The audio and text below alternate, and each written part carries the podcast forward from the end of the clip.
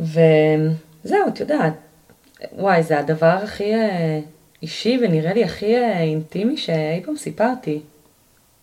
רגע, זה הקליט כאילו? אולי. די, נו, הקליט או לא הקליט? את עושה לי מנטלי כאילו? קצת, זה נורא כיף. הפודקאסט מכיל שפה בוטה, תיאורים מיניים מפורשים, לא מצונזרים ולא מתנצלים. ומי שלא טוב לו, יום טוב לו.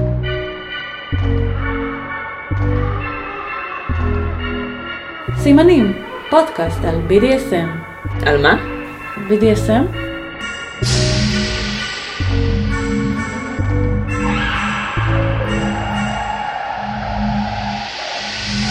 זאת אזהרת טריגר נוספת, אנחנו הולכות לדבר על חוויות שהן פחות טובות בכל מה שקשור לעולם ה-BDSM, אז רק שימו לב שיש פה תוכן קצת יותר אה, רגיש, כן, נקרא לזה. רגיש. כן, טוב.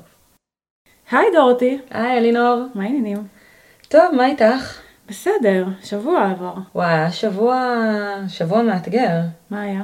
אה, היה את שני הסיפורים המסריחים של האוטינג שעשו לי, ואיך שניהם יצאו בכאילו הפרש של כמה ימים אחד מהשני, על ידי שני אנשים שונים לגמרי, בהקשרים אחרים לגמרי. הראשון זה היה מישהו שהכיר אותי מהתכתבויות באיזושהי אה, קבוצת BDSM בפייסבוק, שבסך הכל יצא שהגבתי לו מדי פעם אה, פה ושם לפוסטים, ואותו בחור בלי שאני חברה שלו בפייסבוק, בלי שהתכתבנו בפרטי אי פעם, בלי שאף פעם נפגשנו. פשוט העלה פוסט בפרופיל האישי שלו, בנושא שלא קשור ל-BDSM, ותייג בתגובות לפוסט הזה כמה חברות קבוצה, ביניהן גם אותי.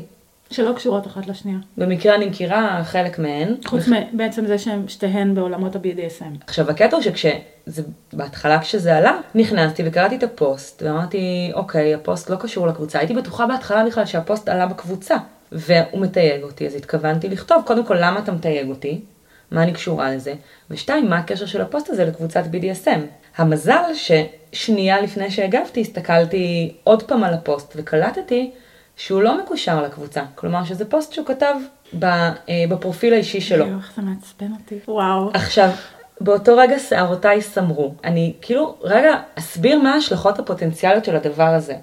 אחד, ברגע שאתה מתייג אותי על איזשהו פוסט, לא משנה באיזשהו תוכן, כל החברבוקים שלי רואים שאני מתויגת לפוסט הזה. במקרה הזה באמת הנושא של הפוסט הוא לא היה נושא BDSMי, אבל לו אני לא הייתי עוצרת את עצמי והייתי מגיבה מה הקשר של זה ל-BDSM, אז בתגובה שלי אני הייתי חושפת את עצמי בהקשר הזה לכל החברבוקים שלי. הדבר הנוסף זה שאם מישהו באיזשהו אופן מכיר את מי מהמתויגות, תוך שנייה עולים על הקשר של כולנו ל-BDSM, וזה היה פשוט ממש ממש מכעיס. ובאמת המזל, אני כתבתי לו למחוק את התיוג שלי שם, וכתבתי למנהלת של הקבוצה, והם בדקו את הנושא הזה, ובסופו של דבר הם הוציאו אותו מהקבוצה. לא קרה שום דבר הרי גורל. עכשיו אני גם אגיד זה, עוד... ש... זה שלא קרה זה במקרה. בדיוק, זה, בדיוק. זה, זה דיני נפשות להוציא מישהו מהארון. כאילו, זה, זה ממש. חשוב להגיד את זה. ואני אגיד גם יותר מזה, שוב, אני בפרופיל האישי ש... שלי, שאותו הוא תייג, לא היה קורה שום דבר, גם אם הייתי מגיבה מה הקשר של זה ל-BDSM. אני באמת חושבת שרוב החברבוקים שלי, לא כולם, אבל רובם יודעים את זה. נורא חמוד שאת אומרת חבר בוקים. אני כן. יודעת את זה, מה זה, זה 90's כזה? לא היה פייסבוק ב nineties, אבל אם לא. היה, זה 90's. אבל כי לא כל האנשים שהם חברים שלי הם גם חברים שלי בפייסבוק, ולא כל האנשים שחברים שלי בפייסבוק הם גם חברים שלי. הבנתי. זה קהילות נפרדות. אני אומרת חברי פייסבוק פשוט, אבל אה. כן, כן, חבר בוקים. אני מקלה, תשמעי, כי אני לא בומרית, אני משתמשת בז'רגון כן, העכשווי. זה הכי בומרי. זה הכי בומרי. איך, אוקיי. איזה קשה זה להיות בומרי כשאת רק בת 25. ממש. ממש... אה, בואכה יש 41. בך הכל מן הכל. באמת, אני רוצה להגיד, עצם המעשה, חוסר המחשבה של אדם שנמצא בעולמות האלה, שהיה שותף לדיונים שדיברו על הנושא של דיסקרטיות, על הנושא של שמירה, על החשאיות של, של החברים, באמת, זה, זה הרתיח אותי, זה ערער אותי כל כך, שזה היה ממש קשה. דיסקרטיות זה א', ב', זה הדבר הכי בסיסי. זה איזשהו הסכם שאתה עושה עם כל מי שנמצא איתך בקבוצות האלה. ואני אגיד, על דיני נפשות, זה, יש אנשים שעוברים גירושים, אם נכון. הצד השני ידע שאתה בעולם הזה, אתה יכול לא לראות את הילדים שלך, או לא לקבל כסף. יש אנשים שיכולים להיות מפוטרים מהעבודה שלהם. יש המון המון המון השלכות, שיש אנשים שזה סבבה להם, ויכתבו בתגובות, מה, מה הבעיה, אני לא מתבייש בעצמי. קול, אחי, מגניב, אבל יש אנשים שזה ממש יכול לשנות להם את החיים ובצורה מאוד מאוד מאוד שלילית. כי מה לעשות, BDSM במדינה הזאת לא מקובל, ונחשב כסטייה, ונחשב כמשהו מאוד מאוד שלילי, ולא מבינים מה זו האלימות הזאת. בסיסי. אני רק כאילו אומרת כדי שזה נכון. ייאמר. והמקרה השני, והמקרה השני מצער לא פחות, גם פוסט בקבוצה אחרת של BDSM, ומישהי שאלה איזה משהו בפוסט, וענו לה אה, כל מיני אה, תגובות. ואני בין השאר, בפרופיל של דורותי, שמתי קישור לפרק שהיה לנו בנושא הזה. ושמתי קישור, כתבתי לה ש... שיווק אגרסיבי. אני, אם נתקלתם בשיווק האגרסיבי שלי, אני לא יופי. מתנצלת, תעבירו את זה הלאה, תפרסמו אותנו גם. אבל גם באמת, כאילו, היא שאלה משהו ש, שדיברנו עליו פול, ואמרתי, זה פרק שממש ממש יעזור להפיל אה, אסימונים בנושא הזה. ואז אה, אותה בחורה מגיבה לתגובה אחרת שלי, מהפרופיל האמיתי שלי, באותו פוסט, ואומרת לי, שמעתי את הפרק, הוא ממש מצוין, איזה כיף שאת מקליטה את הפרק הזה. אה, היה כיף לדעת שהדור אותי. משהו במילים כאלו ואחרות. זו את, נכון? זו את, שם. משהו כזה, נכון. כן, מחברת בין שני הפרופילים. בדיוק. עכשיו, זה לא היה מכוונה רעה, והעובדה שהיא קצת מכירה אותי בחיים האמיתיים, כי היא זיהתה את הקול שלי מהפודקאסט וידעה לקשר אותו למי שאני באמת מדהים. היי, גם אנחנו, זה, זה באמת אנחנו פה. לא, רק להגיד. לא, אני צ'אט GPT. אה, אוקיי. אני יושבת לבד בחדר, ואתם שומעים את החברה הדמיונית שלי. אוקיי. אבל obviously, אם בן אדם משתמש בשם פיקטיבי, ובמקרה הזה באמת, ה user הפיקטיבי שלי הוא מיועד אך ורק לפודקאסט, כי הפודקאסט זוכה לתפוצה שאני לא יכולה לקחת עליה אחריות, ואני לא יודעת לאן היא תגיע, וגם אני רוצה להרשות לעצמי להיות הרבה יותר חשופה ממה שאני חשופה בכל פלטפורמה אחרת, אז אני שומרת על הפרסונה הפיקטיבית שלי כדורותי. אז לקחת את זה ולהגיד, אה, זאת את בשם המשתמש האמיתי שלך, עשיתי את הפיצוח, וואו, תודה גברת אה, חוקרת. לא עושים דברים כאלה. לא עושים דברים כאלה. זה פשוט נוראי. אתה קורא לבן אדם בשם שבו הוא הוצג לך, באותה פלטפורמה שבה הוא הוצג לך. אה, אני חושבת שזה common sense. פשוט have some common sense, כאילו לא צריך, אה, את יודעת, לפרט את זה. ברור שבן אדם יודע שזה משהו שהוא דיסקרטי, שהוא משהו שיכול לסכן אותך, שבתוך הארון, תפעילו קצת שיקול דעת, באמת. מסכימה איתך לגמרי, אני פשוט יודעת, לפעמים נופל לי האסימון לגבי common sense. כשאת, אנחנו מדברים כאילו בסוף על common. ו- ורוב אני מרגישה האנשים, משהו מתנשא מגיע. זה נורא מתנשא, אוקיי. אבל לפעמים, את יודעת, אנחנו כנראה לפעמים נותנים קרדיט לאנשים יותר ממה שצריך לתת להם, על היכולת שלהם להפעיל שיקול דעת. אני חושבת שזה עניין של אה, לראות פרספקטיבה יותר רחבה. זאת אומרת, אם לך זה לא מפריע ולך זה לא משנה, אה, ושוב אני חוזרת לתגובות האלה, שכל פעם אותי זה נורא מעצבן על הדיונים, למה יש לכם פייק? מה, אתם מתביישים בעצמכם? וזה כזה, ת, ת, תרחיב שנייה, תרחיב רגע את המבט, תראה שיש אנשים שונים ממך, בסיטואציות שונות ממך, מה, מה לא הבנת? כמה, כמה צר עולמו של בן אדם יכול להיות. אה, וזהו, נזפנו מספיק. נזפנו מספיק, אני מרגישה. ששיתפתי מספיק והוצאתי אה, קיטור. כן, אה, אבל באמת אני אומרת, זה באמת, זה דיני נפשות. לגמרי. שמרו עלינו ועל עצמכם. ומדיני נפשות? לנפשות. לנפשות. וואי, אה, איזה סגווי מעולה יצא לנו. פעם, פעם, פעם. אנחנו מדברות היום על מנטלי, על שליטה מנטלית, שזה נושא נורא נורא כיפי לדבר עליו. מאוד חשוב, מאוד מהותי ליחסי DS, על כל סוגיהם בעיניי, וגם נדבר על אה, חוויות רעות, על דגלים אדומים, מה צריך להדליק אה, נורה, דגל, אנחנו עד סוף הפרק נחליט אם זה נורה או דגל. קיץ, אנחנו בים, זה דגל נכון, אדום. אמרנו את זה גם פעם שעברה, נשאר על דגל, ויש משהו בנורה שהוא נדלקת, כאילו. מה, דגל את מניפה? לא, שעה הביטוי, דגל עכשיו. הביטוי הנכון זה להגיד שנדלקה נורה אדומה, אוקיי, אבל אנחנו בקיץ, אנחנו רוצות לחשוב על ים. בסדר. אני מרשה לעצמי לאלתר בין דגל לנורה. מה שלא טוב, בקיצור. אנחנו נדבר קצת על המרכז למיניות אלטרנטיבית, וננסה לסיים באופטימיות, נראה אם נצליח להגיע לזה. רק, רק ככה כדי לתת... אה, לתת להם תקווה. כן, לתת תקווה. יהיה כיף. אז אה, שליטה מנטלית, אני אגיד איזה מין הגדרה כללית או איזושהי מטריה. זה מישהי הניחה את זה יפה באיזושהי כתבה שקראתי, שזה ריקוד. יחסי DS זה סוג של ריקוד. ויש אחד, צד אחד שמוביל, שזה הדומיננט. ולא רק שהוא מוביל את התנועות, ואת מובלת על ידיו, הוא גם חושב ויודע מה הצעדים הבאים שיהיו. ואת בעצם עוקבת אחריו. עכשיו, זה לא רק פיזי, אלא גם הוא יודע איך הוא רוצה שהריקוד ייראה, לאן הוא רוצה שתזוזו, ו- ומה יהיה בעוד כך וכך צעדים. ומאוד אהבתי את זה, כי זה בעצם המנטלי. Mm-hmm. זה, זה המקום שלך שמחליט ורואה גם כמה צעדים קדימה לגבי איך הקשר הזה נראה. אתה הנהג, את יושבת לידו, הוא לוקח אתכם. את הסכמת להיות באוטו, כל החוזה שלפני, אבל הוא זה שנוהג, ובזה יש קודם כל שליטה מנטלית. את אומרת, אוקיי, כך תוביל אותי. לפני הסשנים, לפני הפיזי, לפני כל הדבר הזה. ושליטה מנטלית יכולה להיות אה, מצד אחד אה, חיובית ומחזקת, לתת אישרורים וחיזוקים אה, לסאב או לסאבית שלך, כדוגמה של דברים טובים שהיא עושה במשך היום.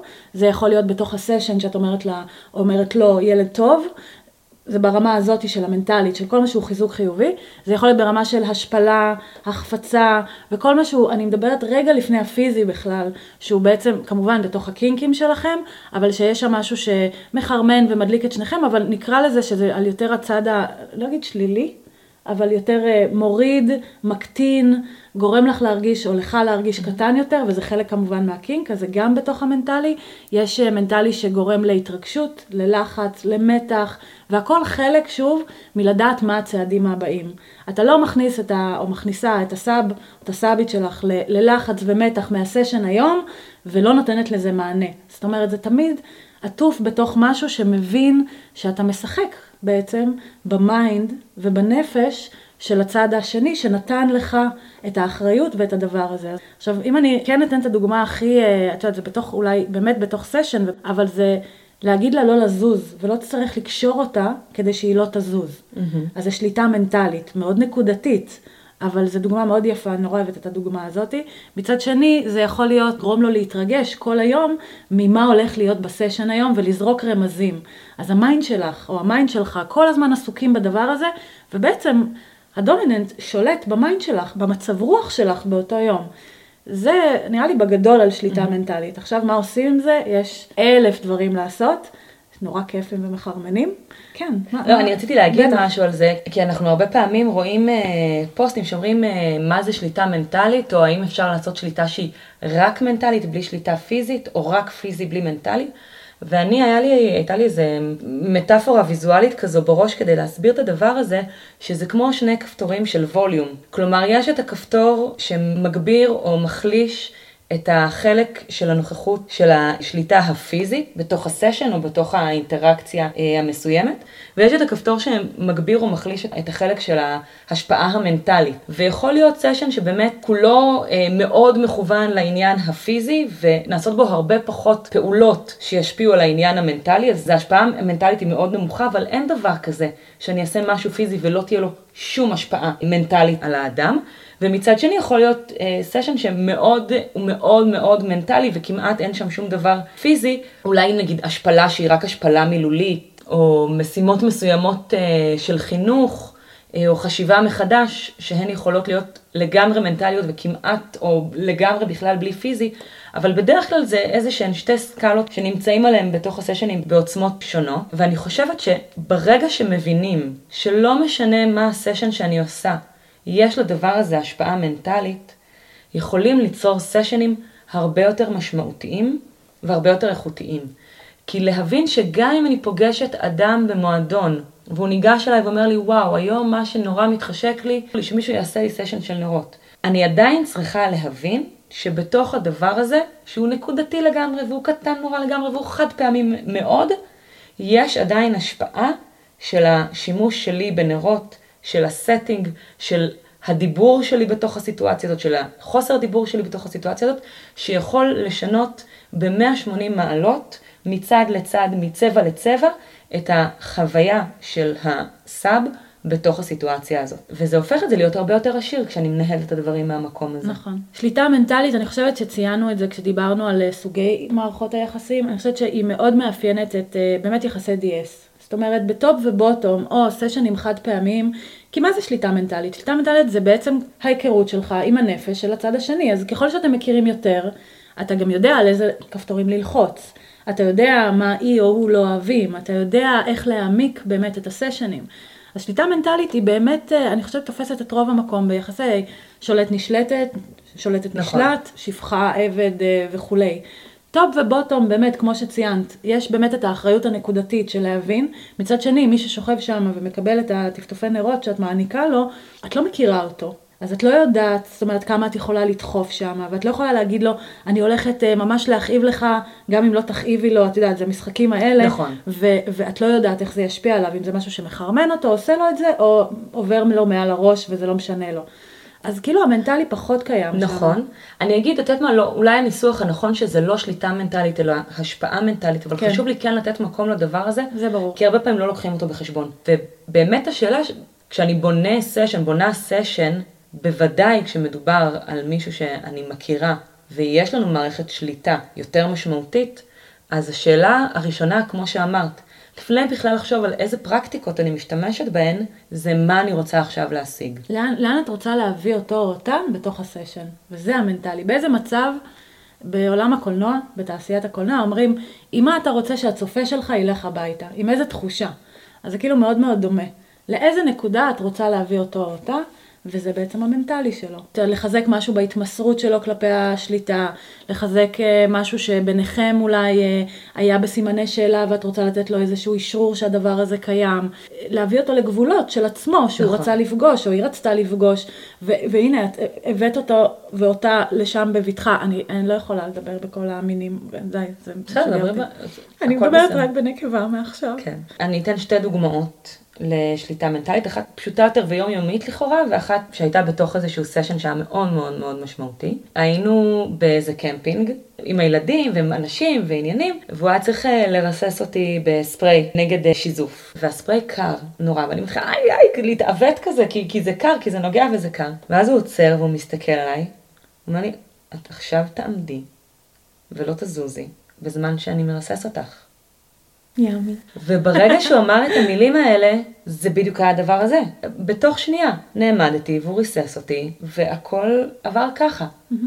אז זו נגיד דוגמה מאוד קטנה ויומיומית, שהיא תוצאה של קשר מאוד עמוק, שמאפשר ברגע לעשות איזשהו סוויץ' ולהשתמש בהשפעה המנטלית, בשליטה המנטלית עליי, כדי לקיים משהו שהוא לחלוטין כאילו שגרתי ויומיומי, ושאני אפסיק, אפסיק אה, לצווח שם ולקפץ.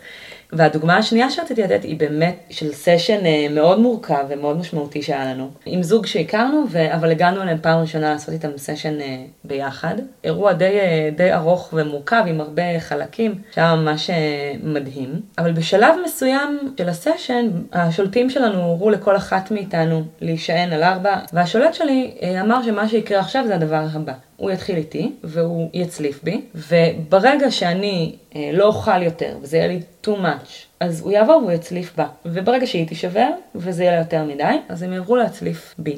עכשיו אני כן אוסיף קצת רקע ואני אגיד, זה באמת אחרי שהיה שם סשן וכל מיני אה, פרקטיקות שמאוד שילבו את שתינו ביחד. אה, היא הייתה עליי בזמן שקודם לכן שהצליפו בה, אני הייתי עליה כשעשו לי branding, מאוד התחבקנו, היינו מאוד מחוברות. מאוד קשורות אחת לשנייה בדינמיקות הקודמות. אבל רגע, אני עוצרת להגיד משהו עלייך. אני יכולה? כן. שלך מאוד מאוד חשוב, את כמו שומרת על מי שנמצא איתך בסשן. זה מאוד חשוב לך לה- להגן ולהיות שם בשביל מי שאיתך. אני הרגשתי את זה גם, זה גם משהו שדיברנו עליו, זה בסדר שאני אומרת את זה? אז אני חושבת שזה בדיוק המנטלי, זה להכיר אותך, ואת יודעת, אני חושבת שאם אני הייתי שם, אני כזה... טוב, תעבור אליה, אני לא יכולה יותר, זה לא לוחץ לי, אין לי איזה עניין כזה. אבל אצלך זה באמת עניין מהותי ושהולך, runs deep, מה שנקרא. אז קודם כל, חשוב נכון, לומר את זה. היה צריך להגיד את זה באמת כדי אה, להסביר טוב יותר את הסיטואציה. ואני כאדם, אני אדם ש, שמאוד מאוד חשוב לו להגן על אנשים אחרים ו, ולתמוך בהם ולהיות שם בשבילם, והשולט שלי מן הסתם מכיר את זה. וגם כאן, בתוך הסיטואציה הזאת, כל החלק המקדים באמת מאוד שילב אותה ואותי ביחד, באיזה מין קשירת גורל משותפת כזאת לסיטואציה שבה אנחנו נמצאים. ואז כשזה הגיע לחלק הזה של הסשן, שאנחנו אחת מול השנייה, וההבנה שלי, ש- שאני הראשונה ו- ובי הולכים להצליף, ו- ואני צריכה לספוג, כי אחרת אם אני נשברת זה, זה יעבור אליה, וכמובן הכל בתוך הגבולות, וגם בתוך הבנה שאנחנו נמצאות שם מבחירה, כן, אנחנו אתן רוצות שיצליפו שיצליפו בנו. אבל זה המשחקי mind, זה בדיוק זה. בדיוק. אוקיי. והוא מתחיל להצליף בי עם cane, זה כבר באמת אחרי הרבה מאוד impact וב- אוי, ו branding, כן, ואני כבר cane. כאילו ממש כבר די מותשת. לא ל cane. והוא... וזה גם די היה ברור לי כבר מההתחלה שהוא מצליף ממש ממש חזק. הוא לא מצליף מאוד חזק כדי שאני ארגיש את העוצמה, הוא מצליף מאוד מאוד מאוד מאוד חזק. כדי שתישברי. כדי שאני אשבר. זה היה ברור לי, והכאב באמת קשה מנשוא. ואז הוא עוצר, הוא מתכופף אליי והוא אומר, זה בסדר. ברגע שזה יותר מדי, תגידי די, ואנחנו נעצור, ונעבור אליה, הכל בסדר. עכשיו צריך להבין מה עובר לי בראש, המחשבות של מי את אם את לא מסוגלת לספוג כאב בשביל מישהי אחרת. איך את תמיד מספרת על עצמך שיש לך סף כאב גבוה ואת לא יכולה לספוג כאב בשביל מישהי אחרת. איזו מין אימא אם היית צריכה להגן על הילדים שלך וואו, לפני כאב. זה ממש הולך עמוק. זה עמוק ממש. עכשיו אני דור שלישי, זה לא קורה לי הרבה, אני הכי צינית בעולם, אבל את יודעת, גם תמונות של, של הורים בשואה שמגנים על הילדים שלהם, אני לא רוצה, באמת, לאן זה הלך? זה בנימי נפשך. ב- בתוכי, באמת. ממש. עולים לי בראש בתוך זה, את יודעת, בתפקידים החינוכיים וההתנדבותיים שעשיתי, כל מיני ילדים שנאבקתי עליהם. ב- ב- די, דורותי, עכשיו אני ארצה לספר איזה משהו מנטלי, וזה יהיה נורא שטחי. זה לא, זה אף פעם לא, זה, זה כל לא אחד. ומשהו. ו- להגן על ילדים בשואה. כן, לא, אבל אני, אני כן. מספרת את הדברים האלה גם כדי להגיד, עכשיו, כאן כשאני יושבת איתך, במחבוע שלנו, שגם קצת נראית כמו איזה סטודיו בונקר, מקצועי, סטודיו מקצועי. סטודיו מקצועי. עם את. יודעת, קל לי, קל לי לצחוק על זה, או להגיד, וואו, איך הגזמתי במחשבות, לאן הלכתי. לא הגזמת, זה, הוא הביא אותך בדיוק למקום הזה. בדיוק. אין בזה הגזמה. וגם האמירות שלו של זה בסדר, את יכולה להגיד די, ואני, בתוכי, אין דבר כזה. מה זה זה בסדר, את יכולה להגיד די? אני לא אומרת די, אני לא נשברת, אני לא, כאילו, לא יכול להיות דבר כזה. זו הייתה סיטואציה מאוד מאוד מורכבת של מה שעבר לי שם בראש, וההצלפות רק הולכות ומתחזקות ברמות שכבר לא יכולתי לעמוד, ובאיזשהו שלב באמת אמרתי די, והתקפלתי, ואז זה עבר לשולט שלה, שהתחיל להצליף בה, ואני ממש זוכרת את זה, אני פשוט קרסתי. זאת אומרת, אני התקפלתי, אני התחלתי לבכות, מיררתי בבכי באמת ברמות של, של נזלת, של דמעות, של לגשדר את חיי שם. ואז הם עצרו, והשולט שלי כמובן בא ו- וחיבק אותי, והם עצרו והצטרפו וחיבקו אותי, ו...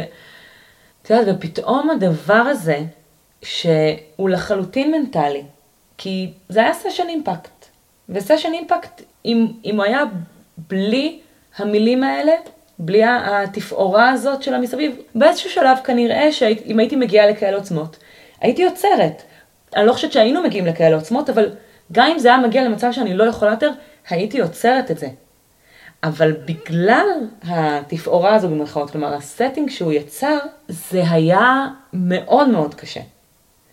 ומתוך ההתרסקות הזאת והמירור בבכי, וזה שהם ניגשים והם, ומחבקים אותי ועוטפים אותי ויושבים ביחד, ואז אחר כך אנחנו מדברים על זה. והאמירה שלו, של אין דבר כזה שאת לא מספיק טובה, ואת מספיק טובה, וגם אם יש מקומות שאת לא יכולה ואת עוצרת אותן, אותם, זה בסדר, זאת החובה שלך. וזה לא הופך אותך לפחות טובה, וזה לא הופך אותך למישהי שלא הצליחה או נכשלה במה שהיא רצתה להשיג. זה היה הדבר, כלומר זה היה התהליך המנטלי לעבור אותו. כן. ו- ולנסות להתגבר על מקומות שבהם בסיטואציות אחרות לחלוטין, של ההורות שלי, של מי שאני, לחברים שלי, של מי שאני בעבודה, להוריד קצת את המקום הזה שלא מרשה לעצמו להיות פחות ממושלם, ולחוות את זה דרך הסיטואציה הזאת. אז חפרתי, אבל... וואו, התחלנו מה זה חזק, נראה לי אפשר לסגור את הפרק. תודה. אז יאללה, סיימנו. אנחנו היינו סימנים. אה, אנחנו שמחות שהצטרפתם אלינו. אולי זה- אתם לא שמחים, זה היה אני לא חזק, יודעת. מעכשיו זה רק down the hill, כאילו, זה חתיכת סיפור. חכי, אפשר להגיע לטראומות בכלל אה, להרוג אותם. כיף, כיף. אוקיי, אז אני כן אגיד על מנטלי בחינוך ואילוף. אני חוויתי הרבה פעמים מנטלי בתור אה, חלק מ... אני אקרא לזה עונש, אבל זה לא. אני אקרא לזה... discipline, משמעת. discipline, משמעת. אני הייתי אמורה לעשות משהו. שהוא חלק מהחוזה שלנו וחלק מה, מהתפקידים שלי. בתור submissive, לא עשיתי. כי זה מאוד קשה לזכור את הכל, סתם כי אני אה, מפוזרת, ו- והרבה פעמים מה שההשלכה של הדבר הזה והחינוך של זה באמת היה מאוד מנטלי. אני אגיד על אחד, שזה היה ממש, אני חושבת שמה שיוצא דופן בו, שהוא באמת לא היה פיזי בשום צורה. עכשיו, מול הסיפור שלך על אה, אנשים מהשואה, אז זה נשמע ממש מטומטם, אבל לי יש שריטה עם זה שאוכלים לי מהאוכל. נכון, עכשיו, כאילו- נכון. עכשיו אני מתביישת להגיד את זה, אל תתביישי. לא. אני- את יודעת מה? אני חוש- גדלתי עם אחים גדולים, מה? שמה? לא, רגע, אני, אני עושה שנייה רגע stop. הם שמעו דברים כל כך כל כך הרבה יותר מביכים עלינו. אה, אוקיי, סבבה. שזה ממש בקטנה. מה זה אני- הסריטה אני- שלך אני- עם זה שלא נוגעים לך באוכל? שהיא פסיכית. אני אספר את זה מאוד בקטנה ועוד כמה דוגמאות ככה שיהיה לנו, אבל, אה, וגם נעבור ל edging. אני לא אוהבת שנוגעים לי באוכל, אני גדלתי עם אח גדול כפרה עליו, אבל אה, בנים, הם אוכלים לך את האוכל, אני מזמינה משהו ואין אוכל, ומשפחה, אה, נגיד אה, מזרחית, בא, מי שלא אוכל, אין לו, כזה. וגם אני בן אדם מאוד מאוד אסתטי, אז אני אוהבת שהצלחת שלי מאוד מסודרת ויפה. ואני נהנית ממנה, ואחרי שאני מסיימת ולא בא לי יותר, אני מרחיקה את זה ממני בגועל. מישהו אמר לי פעם שאני אוכלת כמו שרואים פורנו, שברגע שגמרת זה מגעיל אותך. אני, ברגע שאני שבעה, אני דוחה מעליי את הצלחת, ושכל מי שרוצה יאכל מזה ולא אכפת לי. אני אבל- עדה שכל מילה נכונה. אבל, אבל הרגע הראשון, שזה נורא יפה, הוא שלי. ואני חושבת, אני לא זוכרת מה חגגנו, אני חושבת אחד, את הכילור אולי. הוא שאל אותי איזה מסעדה בא לי, ואני כזה אוכל הודי, אני כל כך אוהבת אוכל הודי, והתרגשתי מזה כל היום, והתלבשתי יפה, והוא בא לאסוף אותי, ולה לה לה, וטרה לה לה, והולכים לאכול, ואיזה כיף, וגם לא אכלתי כל היום כזה כדי להיות ממש רעבה. הוא אומר לי, תזמיני מה שבא לך, ואני כזה מזמינה את זה ואת זה ואת זה ואת זה, אני רעבה. ואז מגיע האוכל. עכשיו, אני אעצור רגע ואני אגיד שהעניין היה שלא סימסתי לו על משהו שהייתי צריכה לסמס, אה, ושכחתי, ורק יום למחרת סימסתי לו, והאוכל מגיע, ואני כזה, כשאני רואה אוכל והוא טעים, אני כולי מתרגשת, ואני כולי כזה, יואו, איזה כיף, איזה יופי, ואני כזה מקשקשת בזנב, וכיף לי, ואז הוא לוקח אליו את הצלחת שלי, ומתחיל to nitpick it, מתחיל לגעת בהכל ולאכול, והוא אומר לי, את לא אוכלת. ואני מסתכלת עליו בעיניים, לקראת האימוג'י עם העיניים הגדולות. שיוצאות לך העיניים. ממש, עם, עם הדמעות, ואני כזה, מה? ואז הוא אומר לי, כמו שאני חיכיתי ל-SMS שלי, את תחכי לאוכל שלך. ואני כזה, מה? וזה היה כזה, מין, שמעו את הלב שלי קצת נשבר, במין כזה, כל היום חיכיתי לזה. עכשיו, זה כאילו קטן ומטופש, אבל א', זה ממש, אה, נקרא לזה מופע של שליטה. נכון. שמישהו אומר לי, את לא אוכלת עכשיו, שזה כל כך בסיסי, אני אוכלת, אני בן אדם מבוגר, אני אוכלת מתי שכזה. את לא אוכלת עכשיו, ואת רואה אותי מחרע לך את הצלחת היפה, שחיכית לה כל כך וציפית לה, ותראי אותי אוכל לך את האוכל, ואני כזה, "מה, אה, אתה עושה שם? והוא מעביר דברים ממקום למקום, עושה בלאגן. מערבב. מערבב, ואז הוא סיים עם זה, ואני הבנתי את המסר. המסר הוטמע. ואז הוא נתן לי את הצלחת, וכמובן שלא אכלתי כלום מזה, כי זה לא יפה וזה מגעיל לי, שמישהו נגע לי. עכשיו, הערב המשיך בהרבה, עוד הרבה מנטלי, אבל זה באמת היה סיטואציה שבה אין פיזי, אין כאב, אין... אה, אני אגיד אפילו מיניות, mm-hmm. בא לי להגיד גם שאני באמת אומרת שזו תמיד פרקטיקה מאוד מינית, כי עצם זה שהוא שולט בי, עצם זה שהוא מחנך אותי ככה, כן מחרמן אותי. אז, אז כאילו זה כן שם, אבל אין מיניות uh, גלויה ואין מיניות uh, שהיא ממש, את יודעת, קורית. וזה היה מאוד מאוד חזק, כי המסר הוטמע. כאילו, וכל פעם אחר כך שהייתי צריכה לסמס את ה-SMS הספציפי הזה, היה לי מין כזה, "אה, אוקיי, כאילו, היה לי את הרגע הזה שבו אני מרגישה בעצם חסרת אונים, נזופה, אה, ולא מקבלת את מה שאני מאוד מאוד מאוד רוצה באותו רגע, כמו שהוא לא קיבל את מה שהוא רוצה. אני אגיד בדוגמאות קטנות, שהרבה פעמים בסשנים, ראיתי את זה גם קורה בסשנים שלכם, וגם לנו היה את זה, עם מי שהיה שולט שלי, שהוא היה מניח כלים מסוימים בסשן לידי, כלים שהוא יודע ש... אני, קשה לי להגיד שאני לא רוצה, אבל מפחידים אותי, מלחיצים אותי, שמים אותי באיזה פינה, אני לא יודעת איך אני אתמודד איתם, ובתחילת הסשן הוא ככה היה מניח אותם, שאני אראה שהם שם, ואז כל הסשן הראש שלי היה, זה יגיע, הוא ישתמש בזה, הוא ישתמש ב bullwhip הזה, הוא ישים את הוו אנאלי, אני לא יודעת מה יהיה. וזה כבר שם אותך במשהו נורא לא נוח. נכון, אבל זה דברים שנכנסים לדעתי לתחום של mind fuck.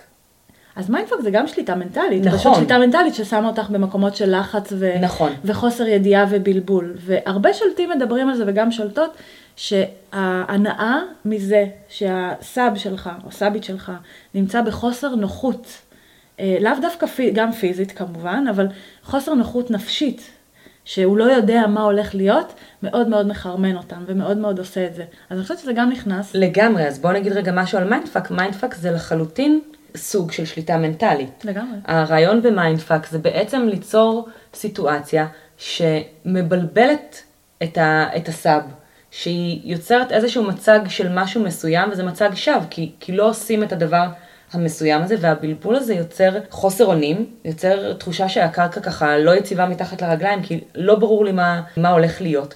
וזה משרת הרבה מאוד דברים של שליטה מנטלית. את אוהבת mindfuck? שונאת mindfuck, אבל חולה על זה. אני עוברת ל edging. edging זו פרקטיקה נהדרת, אה, ואני אעשה משהו, אני ארים רגע לפודקאסט אחר בעברית, שנקרא Safe Word, והם מדברים שם הרבה על edging, זה משהו שהם מאוד מאוד אוהבים אה, ועוסקים בו, ואני בפעם הראשונה ששמעתי, שמעתי את זה באמת בפודקאסט הזה, אז, אה, אז הלאה לכם עוד פודקאסט בעברית, חפשו אותו גם. edging זה משחק עם אורגזמות, זה בעצם להביא אותך רגע כמעט גומרת ולהשאיר אותך שם. על ה edge. על ה edge. אפשר לעשות את זה שוב ושוב ושוב באותו סשן. אפשר אה, להגיד לך, אה, את יכולה לאונן, אל תגמרי, כל השבוע, כל החודש, כל ה-whatever. מה שזה מייצר בסוף זה אורגזמות מטורפות. כאילו, אני לא יודעת אם לכולם, אז אני אגיד מניסיוני. ואני אספר שגם היה לי סשן כזה, שבו קיבלתי את ה wand שלי, מוטען לגמרי, magic wand, מוטען לגמרי זה בערך שעתיים, והתבקשתי מול הסרט המזכירה, שנדבר עליו בפרק תרבות שלנו, לאונן איתו ולא לגמור. כל פעם שאני הולכת לגמור, להרחיק אותו ממני, וזה התחיל בתור, הא, אין בעיה. וזה נגמר בבוכה, בוכה, בוכה, בוכה. רק בבקשה תן לי כבר לגמור. אבל ו... אני רוצה! וגם זה כואב באיזשהו שלט, כוס, כואב, הכל פועם, הכל זה. אה, לא פשוט בכלל, אבל בסוף כן, כשגמרתי, אה, אני, הרבה אנשים שמעו. בערך 300, בכל הבניינים מסביב. אזעקות למטה התחילו לפעול, ציפורים, כזה, לירח התפוצצתי. אה, אז זה היה מאוד נחמד. השליטה הזו באורגזמה, זה מאוד מאוד חזק ונהדר. כן, דורותי, מה, מה, כן. לא, קודם כל, זה נהדר. לא, אני שונאת edging, כן. חולה על זה. את מרגישה כאילו שמחה ואומללה בו זמנית. כן. הנה, הנה זה, הנה. זה, זה פה, זה כבר כאילו the holy grail, זה כבר בידיים שלי, לא, לא, לא, לא, בידיים שלי, לא, לא, לא, לא, לא, לא. אני אספר גם על דוגמה של edging, שאני חובבת ספרות מאוד, אם זה לא היה ברור עד עכשיו. אני מלומדת. אני מלומדת ומשכילה. לא, באמת, זה כאילו, זה התחום שלי. תשאלו אותי מתמטיקה, אני עד כאילו רמה של כיתה ד', אחרי זה אני לא יכולה יותר לעשות במתמטיקה, אבל, אבל ספרות וקולנוע זה התחומים גם שאני... גם כיתה ד' זה מכובד.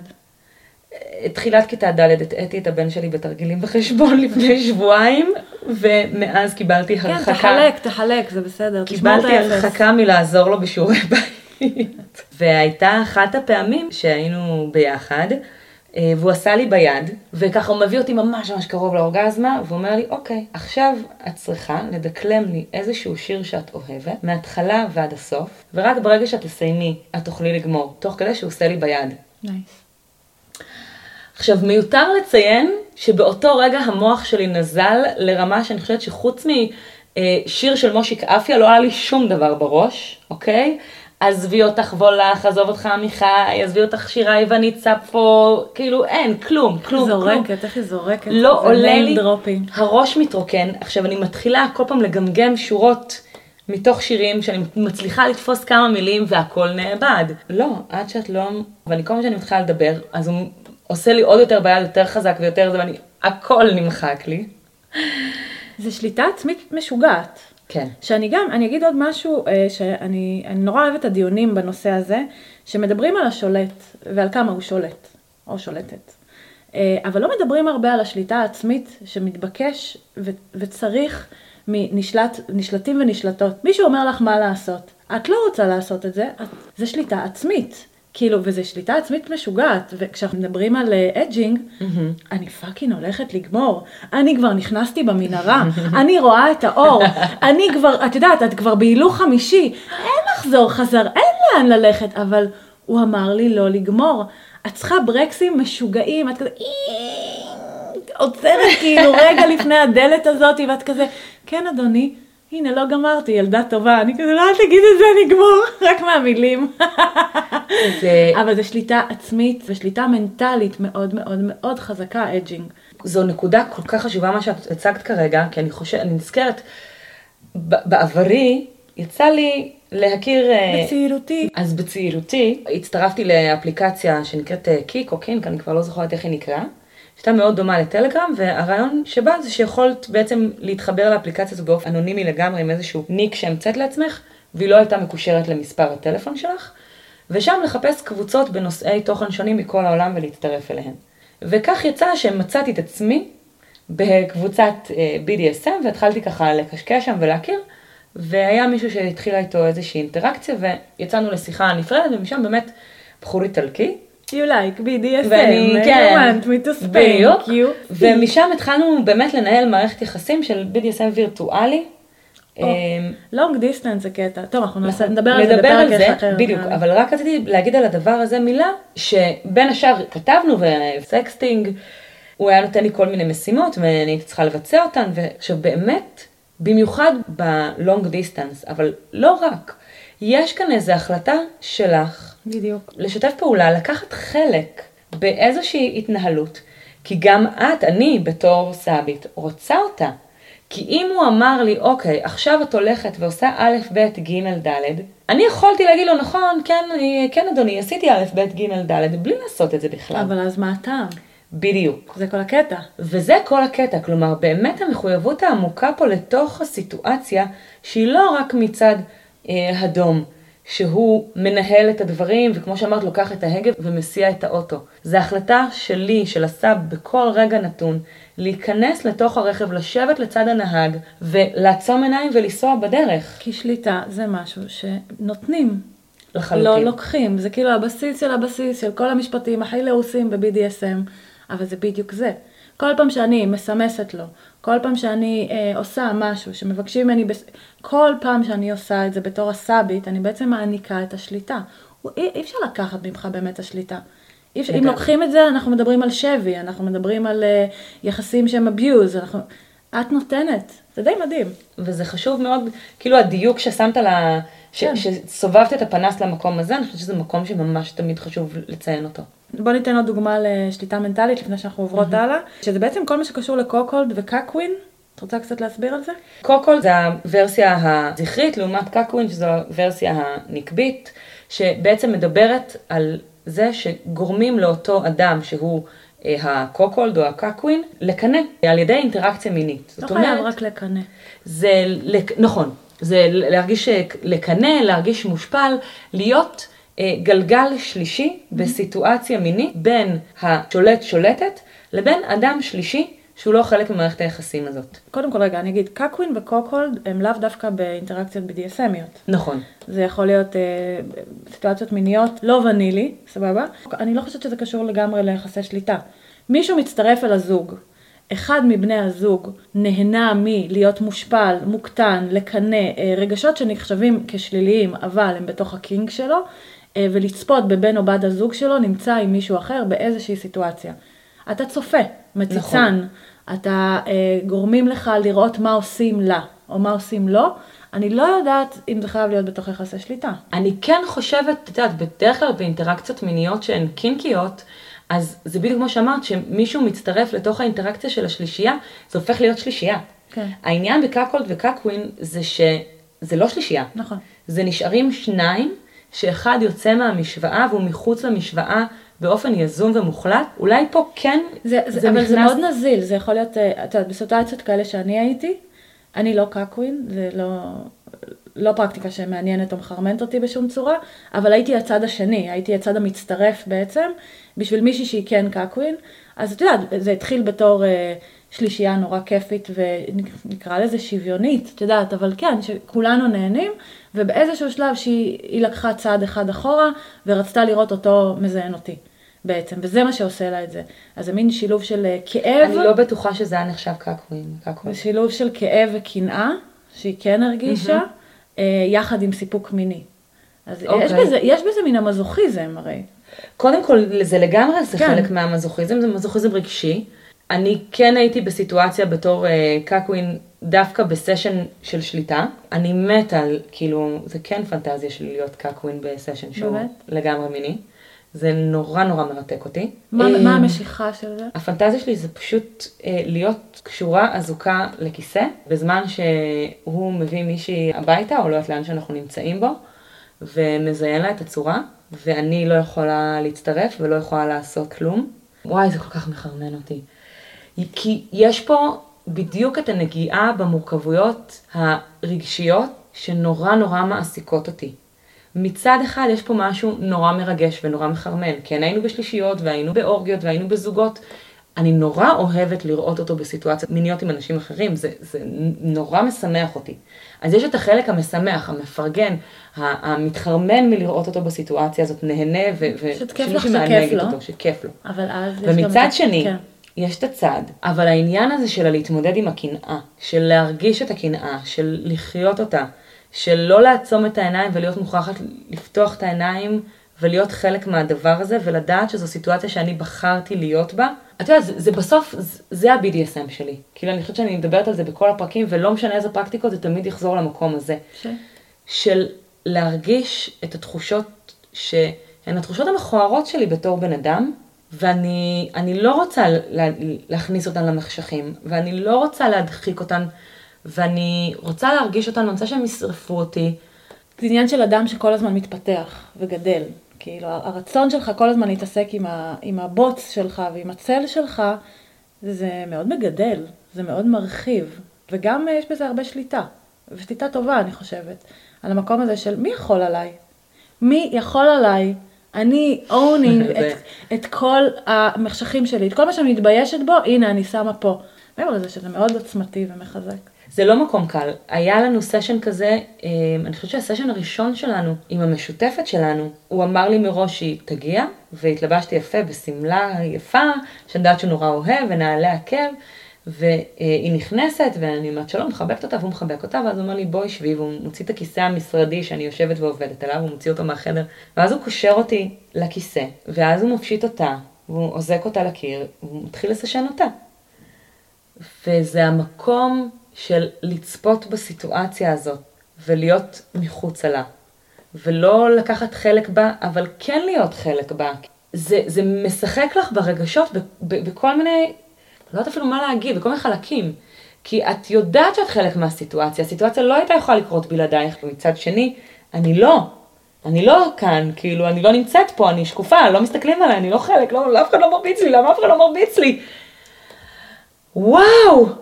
עכשיו תגידי לי, את אדם מן היישוב, שלא עוסק ב-BDSM, לא מכירה כאלה. צר עולמו, מה חוויות החיים שלו? שהוא כעס על, המ- על המוכר בסופר שלא החזיר לו עודף כמו שצריך. די, אל תתנסי עכשיו. שהיה לו, זה- לא, לא יפה. לא, אני אומרת, את יודעת, אנחנו כולנו אני מרגישים חושבת שכל. אחד, רגע, אני אגיד כן, משהו. אה, זה. תגידי. אני חושבת שכל אחד, בדרכו שלו, מוצא דרך לאתגר את עצמו.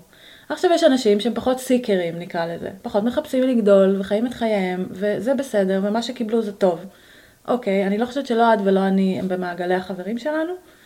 זה לא מתנשא, אני אומרת, לא, את נכון. יודעת, את סביב אנשים שכל הזמן מחפשים להשתנות ולחקור, אז אנחנו חוקרות את עצמנו דרך ה-BDSM במקומות האלה, אני מכירה אנשים שחוקרים את עצמם גם, לא פחות, את יודעת, דרך מקומות אחרים. זה, זה, זה הכלי שלך. נכון. הוא כלי מחרמן, כיפי, מהמם, עם בגדים יפים, מסיבות וצחוקים ופודקאסט, אבל זה הכלי. נכון. כאילו, זה הכלי שבחרת כרגע לחקור את כל המקומות האלה, וזה מהמם.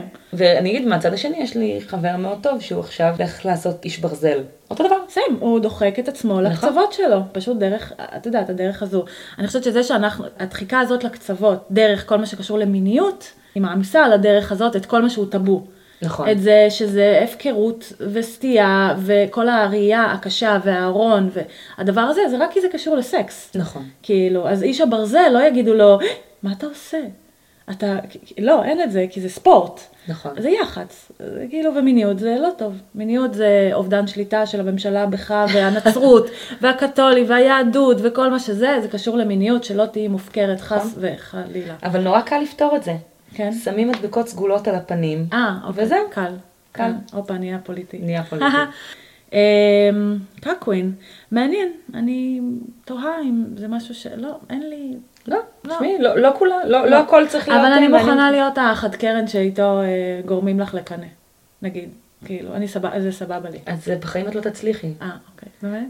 כן, נראה לך שאני, אני, כאילו, יאה, אני מתה לראות את זה. אנחנו נמשיך לדווח. אה, זה היה בגדול שליטה מנטלית אה, טובה ומטיבה, אבל אנחנו עוברות לשליטה מנטלית שהיא, אני לא יודעת אם לקרוא לזה שליטה מנטלית, אבל זה השימוש בכוח שניתן לך. ניצול לרעה. ניצול לרעה של הכוח שניתן לך. נכון. With great power comes great responsibility. ש- שזה מצחיק, את יודעת, אבל כאילו, נכון. הציטוט המושלם ממלחמת הכוכבים, מלחמת המסע, אחד משניהם, אוקיי, אני לא, לא לא, נראה לי זה מלחמת הכוכבים, לא משנה, גיקים בכל העולם קברו את עצמם זהו. עכשיו. מאנפרדים אותנו, לא מקשיבים יותר לפודקאסט, כזה. אה, אבל כן, בסוף זה דבר סופר קריטי, וזה מקומות שאנשים רעים אה, מוצאים את הפרצות אה, לנצל בהם. קטנים, אני חושבת. אני אגיד משהו שנשמע לא קשור. אני חושבת שבאחד הפוסטים מישהו כתב על מה מאוד חשוב בשולט בעיניכם, ואני, זה היה די מזמן, וכתבתי הומור עצמי. כי הומור עצמי מעיד על מישהו שיכול לצחוק על עצמו, ומישהו שיכול לצחוק על עצמו זה אומר שהאגו שלו הוא במקום הנכון. ואומר שהשליטה שאני אתן לו, והמקום שאני אתן לו, והכוח שאני אתן לו, לא ינוצלו לרעה בשביל האגו שלו. אז אני חושבת שבאמת ברגע שיש יחסי שליטה, אפילו בהתחלה שלהם, שנדבר רגע על באמת גלים אדומים, היכולת שלך לנצל לרעה, לבקש דברים שלא במקומך לבקש, או לבקש דברים שהם לא לטובת, או בגבולות של הנשלטת, אה, הגבול מאוד מאוד דק, ואנחנו שומעים על מלא מלא מלא מלא מקרים, וזה אנחנו פה, גם קצת לדבר על זה ולשפוך על זה אור. לגמרי. אפשר להתחיל האמת מדגלים אדומים. את יודעת, יש אה, אלף אה, פוסטים כאלה, תמיד יש נכון. איזו רשימה כזו או אחרת, והכל נכון, אבל אפשר להגיד על דגלים אדומים בתוך... התחלתי לדבר עם שולט. התחלתי לדבר עם שולטת, מה הדגלים האדומים שאני צריך לשים לב אליהם, כדי לדעת שזה לא הולך למקום טוב. את רוצה להתחיל? אני אתחיל, ואני אתחבר גם לדבר שאת אמרת ליכולת לצחוק על עצמו, אז אני נגיד, מה שאני אומרת כתכונה שהיא קריטית בעיניי במישהו שהוא יהיה שולט טוב, זו ענווה. זה מישהו שהוא לא מדבר ב"אני, אני, אני, אני, אני", אלא הוא יכול לשים על השולחן גם את המקומות שהוא לא יודע, את המקומות שמפחידים אותו, את הדברים שהוא נכשל בהם, שהוא פישל בהם. זה מישהו שיש לו יכולת לשים בפרופורציות הראויות את המקום שלו, ולא לחשוב שהוא שולט העולם, זה מישהו שהוא מוכן להיות בתהליך למידה. אז על הצד ההפוך, דגל אדום, זה מישהו שרק מספר על כמה הוא טוב וכמה הוא מוצלח וכמה אה, סאבים נופלים לרגליו. אני, אני, ו- אני, אני ואני. ואין יותר טוב. את יודעת, הרבה פעמים אני רואה את זה בדוגמאות שהם גם מקטינים אנשים אחרים. כלומר, יצא לי לדבר עם מישהו שקושר חצי שעה, כשאנחנו מדברים על קשירה, אנחנו מדברים על שיברי. על. רק להגיד. ואני אומרת לו, אוקיי, מאיפה למדת? למדתי הכל ביוטיוב. אמרתי לו, אוקיי, אז אתה מכיר את הקושר הזה, ואתה מכיר את הקושר הזה? ואז מתחיל, מי זה? הוא לא יודע לקשור. זה כשראיתי קשירות שלו, כבר ישר ראיתי טעויות. כשאת יושבת ומדברת עם בן אדם, ואני שומעת אותו מדבר על אנשים שאני מאוד מעריכה את הקשירה שלהם. עכשיו בואי, כנראה שאין קושר מושלם, בטוח שגם בקשירות שלהם יש אה, אה, פאשלות שאני לא, לא מומחית בשביל לזהות אותן. אבל לבוא ולהגיד רק, אני טוב בהכל, ואצלם יש רק פאשלות, זה כבר סימן אדום בוהק של, יש כאן בן אדם שפשוט לא רואה בעיניים. אני אקח את זה עוד צעד, ואני אגיד שתמיד טוב לדבר עם uh, בן זוג. אגב, זה לא נכון רק לגבי העולם ה-BDSM בכלל, אבל כן ניקח את זה לנורות אדומות, לדבר איתו על האקסים שלו, על האקסיות שלו. איך שהוא ידבר על האקסית שלו, הוא ידבר גם עלייך. אין מה לעשות. כשאת פוגשת שולט חדש, והוא מספר על הנשלטת הלא אמיתית שהייתה לו, והוא זרק אותה, וההיא נשלטת לא אמיתית, כמו, קצת, זה מאוד דומה למה שאמרת לקושר. נכון. הדיבור של בן אדם על בני אדם אחרים מלמד אותך המון על הבן אדם הזה, וזה לגמרי גם נורה אדומה. איך היחסים שלו היו עד עכשיו? איפה הוא נמצא בתוך הדבר הזה, ואני חושבת שזה חשוב שאנחנו עושות את זה, כי זה, אני, אנחנו קצת חוזרות כאילו לפרק 2, 1, mm-hmm. אבל באמת, אני נכנסת לעולם השליטה, אני מתחילה שיחה, אני רוצה למצוא לי שולט, אני רוצה למצוא לי שולטת, שגם, אגב, אני פותחת סוגריים, לי תמיד מאוד קשה עם הדבר הזה של אני רוצה למצוא שולט, כי אני, אני רוצה למצוא בן זוג, אני רוצה למצוא קשר. הוא ב-DSMי והוא שולט, אנחנו באותו זה, וואו, מדהים. אבל זה כאילו תמיד מרגיש לי מחפיץ כמעט. אני רוצה למצוא מישהו שיעשה לי, שיצליף בי. נכון, דיברנו על זה זה, נכון. על הקינג דיספנסר. כן, אבל זה קצת כמו לחפש מישהו שיעשה לי ילדים, אוקיי? נכון. אם אני אקח את זה כאילו לעולם הוונילי. ו- וזה תמיד כזה הפוך, כי כאילו כל מערכת יחסים מתחילה קודם מרגע קשר בין בני אדם. יש לכם את אותו קינקים, מדהים. אבל אני לא מחפשת שולט, אני מחפשת בן אדם. נכון. קצת אני גולשת פה, אבל אני סוגרת סוגריים. אז אני חושבת שזה אחד הנורות האדומות. זאת אומרת, איך הוא מדבר על אנשים אחרים ועל היחסים הקודמים שלו. ואגב, נשלטת אמיתית, או נשלט אני אמיתי. מתה על נשלטת או, אמיתית. יכולה נשלטת אמיתית. מתה על נשלטת אמיתית. אני פתחתי את אה, מילון אבן שושן, ממש. בערך נשלטת אמיתית, וההגדרה הייתה א', ב', ג'. בטח, אז מה לא את נשלטת- באה אליי עם משהו ד', את לא נשלטת אמיתית. מה זה הגבולות האלה? את לא נשלטת אמיתית. את אומרת מה שחשוב לך, מה את לא נשלטת אמיתית. את לא אוהבת סתירות, את לא נשלטת אמיתית. את רוצה מילת ביטחון, נכון? את לא נשלטת אמיתית. ממש. עכשיו, זה נכון לגבי שולט אמיתי, שיש את זה גם. מי זה שולט אמיתי? what the fuck? גבר אמיתי, אישה, כל האמיתי, מה זה כן. BDSMי אמיתי? חרא, בסדר? סליחה, כן? לא, נכון. המילה הזאתי, וואו, זה כאילו, אין לדבר, אבל באמת, בנורות אדומות, גלים אדומים, whatever, אדום, כל מה שהוא אמיתי, שיש איזשהו סטנדרט שמעמידים מולך ואומרים לך, את צריכה להיות ככה, ולא מקשיבים לך, ולא מדברים רק באני, אני, אני, ורואים את הבן אדם, ומנסים לבנות ביחד את הדבר הזה, לא, לא, לא. לגמרי. אני חושבת, זה משהו שחוזר על עצמו הרבה, ואני חושבת שהוא אולי כן יותר אופייני לעולם של ה-BDSM בגלל העניין של הדיסקרטיות. אז הרבה פעמים קורה שאוקיי, הקשר התחיל כשאתה בפייק שלך, אני בפייק שלי, תמונות שלנו הן לא אמיתיות, ומשם מתחיל הקשר. בסדר, אבל זו הפגישה הראשונית שלנו. ככל שהדברים הולכים ומעמיקים, ובטח לפני שאנחנו מתחילים באיזה שהם סשנים, הדברים צריכים לרדת לרזולוציה המציאותית. כלומר, החשיפה כן, צריכה להיות דו-כיוונית. לחלוטין. תמונות, פנים, להיפגש במקום ניטרלי ופומבי, דיברנו על זה גם בעבר, כי יש אנשים נצלנים, חארות, שמנהלים כל מיני אורחות חיים כפולים, מכל מיני סיבות, כי הם נשואים, כי זה, כי זה, לא משנה, מחזיקים קשרים מקבילים בלי שהקשרים המקבילים ידעו אחד על השני וכן הלאה. ואז קל להחביא את זה בתוך העולם הזה, שהוא עולם שהוא מאוד מאוד דיסקרטי. אז אני שומר על אפק, אז אני שומר על ריחוק. רק את תגידי את הדברים האמיתיים על עצמך, אני לא. אה, אני אגיד לך מתי את יכולה להתקשר, שעות אחרות את לא. אנשים יש להם את הסיבות שלהם. אה, גם בוגדים, אני אגיד את זה ככה, not my cup of tea, בקילומטרים, אבל אם מישהו בא ואומר לך, תקשיבי, אני, אה, אשתי לא יודעת, כל עוד אתה כנה.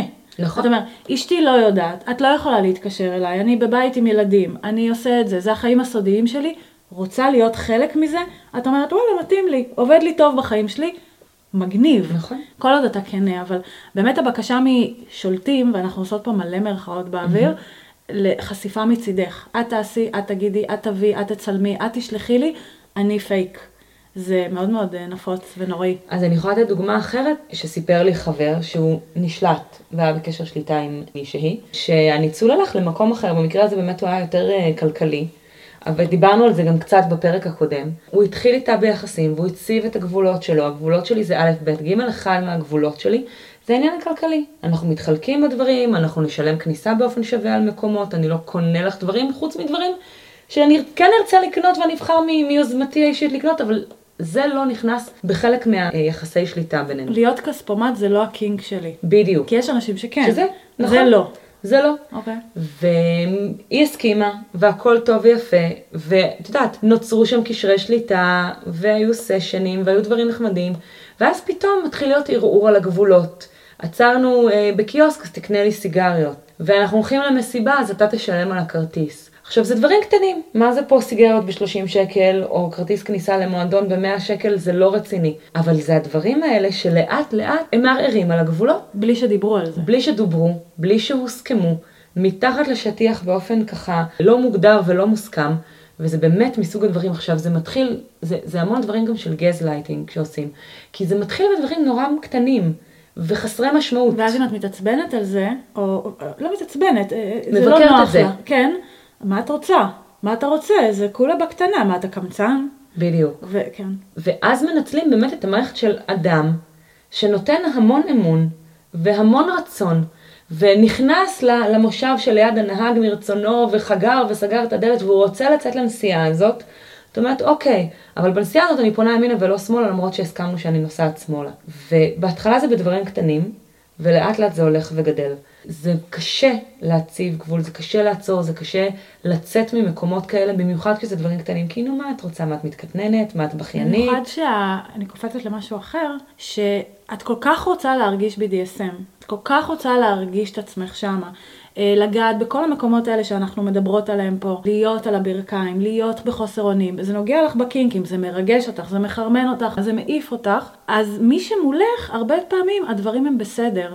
לא נורא שזה ככה, לא נורא שזה טוב, הגבול הזה טוב, בסדר. וזה הולך ומקצין וזה לא, אף פעם לא מגיע למקומות טובים. רוצה להגיד באמת, כאילו אמירה חד משמעית פה.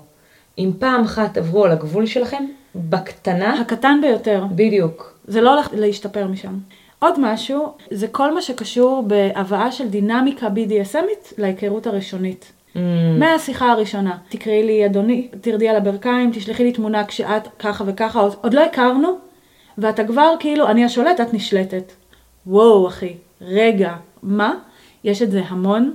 מההודעות הכי מצחיקות שאנחנו מצלמות מסך ושולחות אחת לשנייה באינבוקס של, אה, יש לי אחד של רדי על הברכיים כלבה, אני כזה, אוקיי, אני באה, חכה לי ברייש, אני באה. זה, זה לא מקריפ בכלל, זה תמתין. לא, לא. זה לא חושדת בכלל, עכשיו זה שיטת, נשמע לי שיטת הגיוני. מצליח, את יודעת, אולי יש אנשים, נשים, שנכנסים לעולם הזה ואומרים, אה וואלה, זה הדיבור. כל הכנסה של דיבור שבדינמיקה BDSMית לפני ההיכרות ולפני ההסכמים, זה לא. יש משהו שהוא אחריות של שני הצדדים, גם של ה top וגם של ה bottom. כשאנחנו נכנסים לעולם הזה, במיוחד בהתחלה, אבל לא רק בהתחלה, זה לפעמים מרגיש כמו ילד שנכנס לחנות ממתקים. ואת רוצה הכל. אני רוצה מזה, ומזה, ומזה, ומזה, ומזה, ולכתוב וזה וזה וזה וזה, והכל, ועכשיו. עכשיו, אז מה אם אני יודעת שבעוד עשר דקות אני הולכת לשכב על הרצפה, להקיא את נשמתי עם קלקול קיבה, וכאילו לבכות, אני רוצה הכל. אנחנו כי- עדיין מדברים על חנות ממתקים? כן. אה, אוקיי. אני כבר הלכתי עברתי למקום אחר. לסשן רומי. ממש. וזו נטייה מאוד טבעית, והיא נטייה של שני הצדדים, כלומר גם מי ש top, גבר או אישה, גם הם נופלים למקומות האלה יש של... power trip. אני, בדיוק, אני, אני רוצה להיות במקום הזה, ויש אנשים שמתמסרים אליי, אז אני לוקח הכל, אז אני יכול לעשות את הדברים הכי קיצוניים, והם ילכו איתי באש וואי, זה ובמים. מקריפ אותי רק כשאת אומרת את זה ככה. כאילו זה עושה לי קרינג' כזה. שני הצדדים. נכון. צריכים להיות מסוגלים, וזה קשה, זה קשה, כולנו נפלנו במקומות האלה, אבל צריכים להיות מסוגלים להזכיר לעצמנו באמת את החוויה הזאת של חנות ממתקים. אני הולכת עכשיו לטרוף הכל, אני שלושה ימים הולכת להיות במיטה, מקיאה את נשמתי. עדיף לקחת קצת, ואז עוד קצת, פה, ואז אה, עוד קצת. מהצד השולט אבל זה שמישהו אחר מקיא את נשמתו. זה העניין. סבבה, אני על עצמי, זה לא סבבה, אבל אני על עצמי, יש את האחריות שלי, לגמרי האחריות הנשלטת או הנשלט, ולאן היא מכניסה את עצמה, ולהיות בעיניים פקוחות וכל הדבר הזה. אני לא נוגעת עכשיו, ב- את יודעת, בדוגמה של אם הלכת בלבוש חשוף, בסמטה חשוכה, אחריות, לא, לא, לא. זה לא המקום הזה. אבל מהצד השני, זה, את לוקחת אחריות על נפש של בן אדם אחר. אין, אין לתאר כמה יותר זהירה וענווה נכון. את צריכה להיות. את רוצה לספר על, אה, על סשן שהיה? רגע לפני, אני כן רוצה לדבר קצת על תלותיות. גם, שוב, זה דינמיקה BDSMית אה, ושליטה מנטלית שהיא לא מטיבה עם הצד השני, שמייצרת תלותיות לא בריאה. עכשיו, אני, אני אגיד משהו על, על, על קשר BDSMי. יש בו תלותיות, מעצם היותו. נכון. מאוד קשה להיפרד ממערכת יחסים אה, BDSMית, כי הרבה מהיום-יום מוכוון אל השולט, מהצד הנשלט, אני אומרת את זה. אה, דברים שאת אה, צריכה לעשות. היום-יום שלך שזור, שזה ה- מערכת יחסים, נכון. בתוך השליטה. אז יש איזו תלותיות, תלותיות שאת בוחרת בה, שעושה לך את זה, שנעימה לך, אבל יש... ואז שוב הגבול הדק הזה, ושולטים ושולטות שמייצרים בצד השני תלותיות לא בריאה, שלא מגדלת, או מפתחת, או מטיבה, זה משהו גם שקיים המון, וזה מאוד מאוד בעייתי בתוך ה-BDSM, כי הגבול הוא מאוד מאוד דק. זה למצוא את הקווים שבין שייכות לבין תלות. כן. ואנחנו ככה מדברות על זה קצת באופן כללי, ומדי פעם נותנות דוגמאות.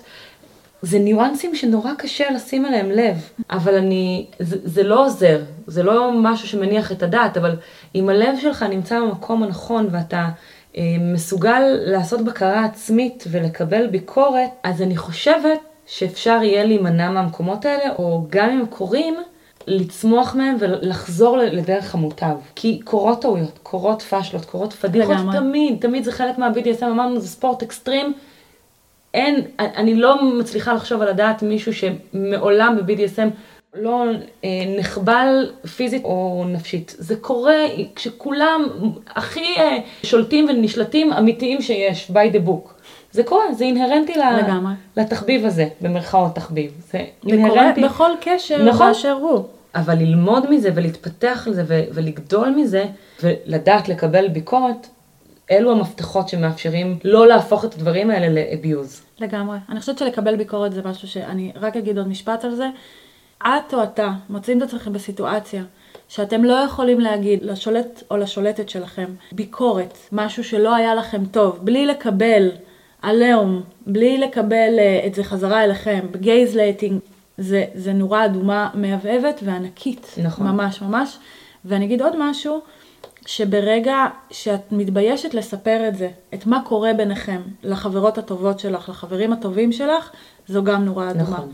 אם משהו לא תקין, אבל בינך לבין עצמך סידרת את זה יפה ככה, שזה בסדר, אבל את מוצאת שאת לא יכולה לספר את זה, כי את מפחדת שהתגובה מאנשים שדואגים לך, אה, ואני סתם מדברת בלשון נקבה, זה נכון לכל המינים, יגידו לך, אוי ואבוי, ואני לא מדברת על אנשים ששומעים על BDSM ואומרים, אוי ואבוי מרביצים אז- לך. אז הוא מרביץ לך? אז הוא מרביץ לך? מה הוא עושה לך שם? מה הוא עושה לה? מה, את אוהבת להיות קשורה? ואבוי. מה זה הסימן כחול הזה?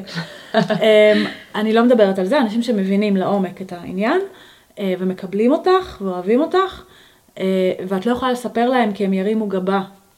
או שאם חברה הייתה מספרת לך, היית גם את מרימה גבה, זה חתיכת נורה אדומה, מאוד מאוד תקשיבי, חשובה. זו אמירה כל כך כל כך חזקה מה שאת אומרת, כי מניסיון בלבד. אין לנו, אנחנו מצליחים, המוח שלנו, המוח האנושי מצליח להצדיק לעצמו הכל.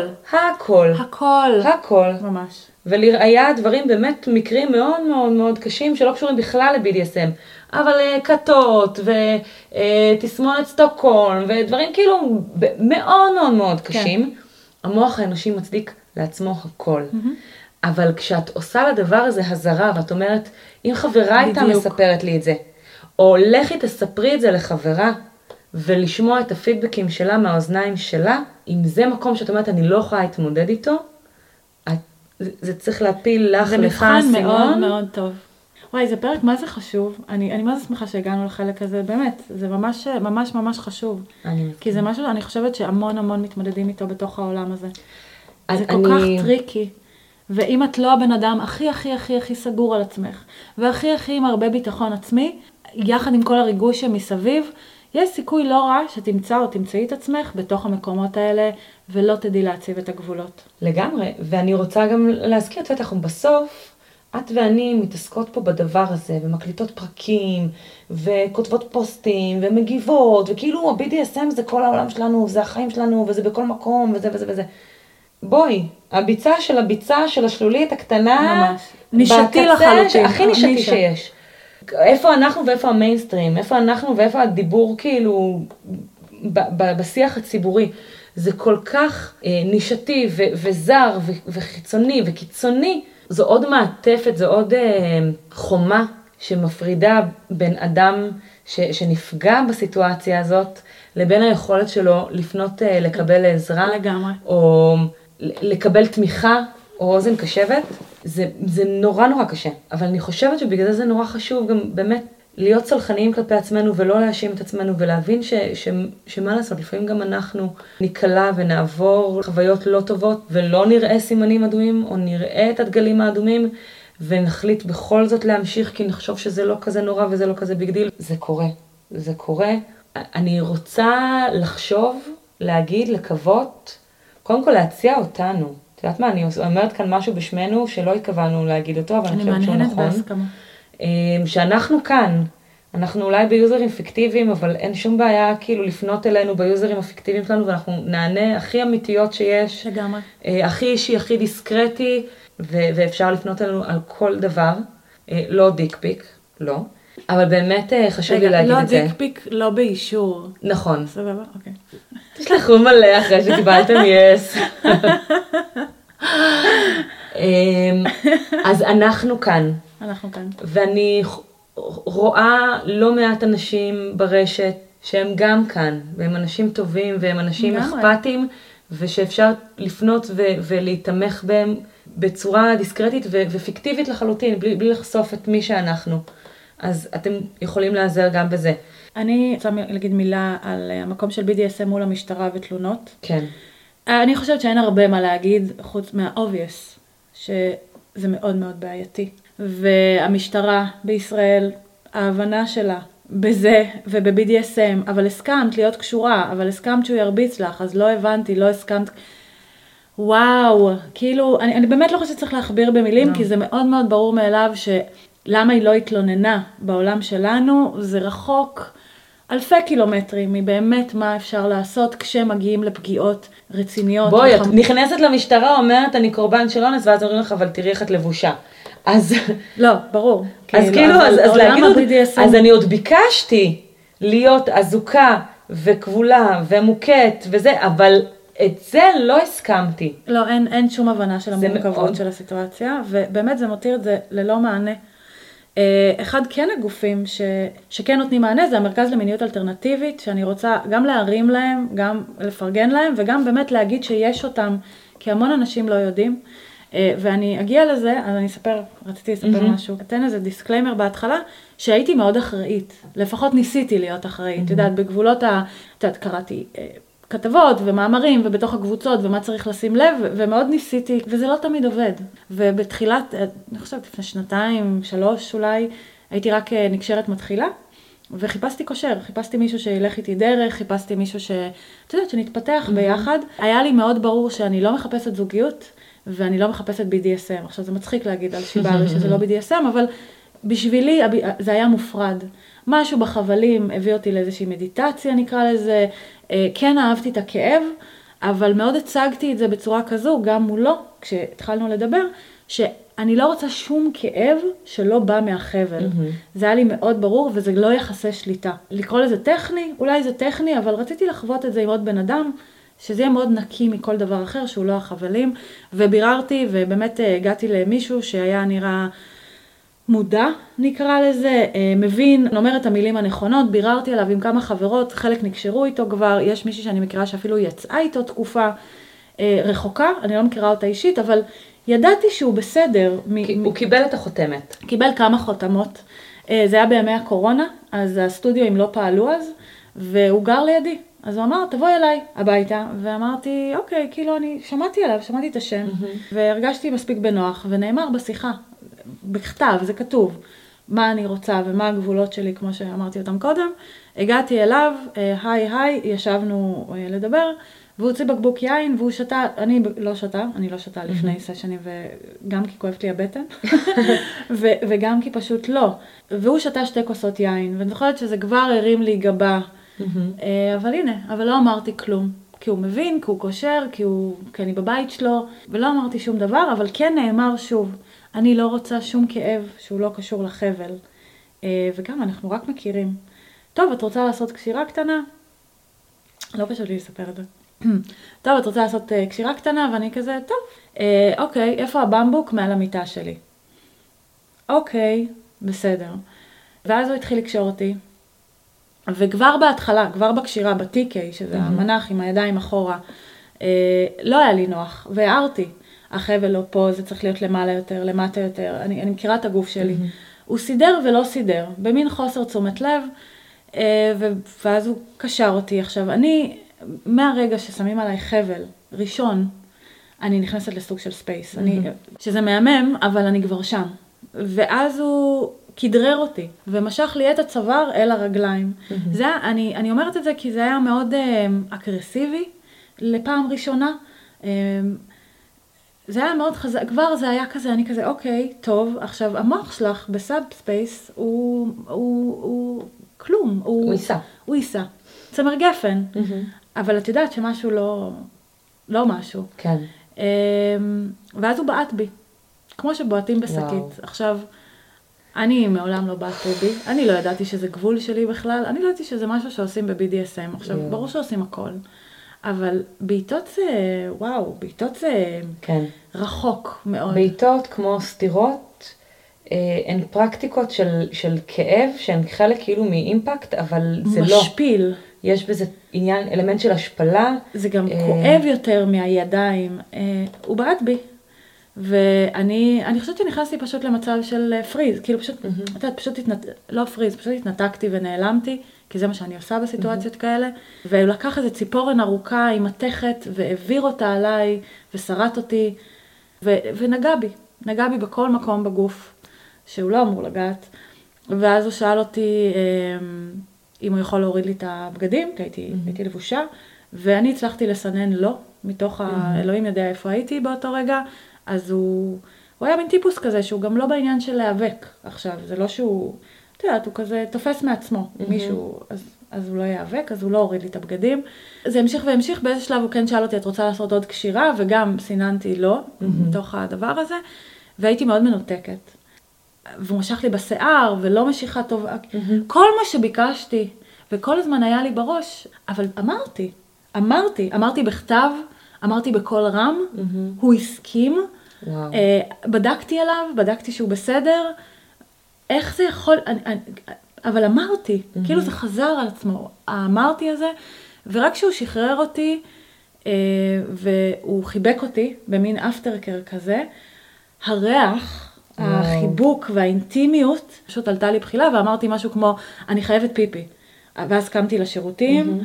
והייתי כזה במין, what the fuck קרה וואו. פה עכשיו, ועדיין הייתי שם. עכשיו זה לא נגמר, יצאתי, הוא הציע שוקולד כמו שהוא אמור להציע, והוא הציע קפה כמו שהוא אמור להציע, ומשהו חם לשתות. כי הוא מקסים, הוא עושה לך אפטרקר, הוא יודע והכל, מה צריך לעשות. ואז הוא תפס ונשק אותי. וואו. ורק כשהלשון שלו הייתה בתוך הפה שלי, אז ממש התעוררתי, והרחקתי אותו ממני בעדינות. את יודעת, אולי הייתי צריכה, הייתי צריכה לצרוח, הייתי צריכה להגיד לא, הייתי צריכה להגיד יד דפוק אחד, הייתי צריכה להרביץ לו.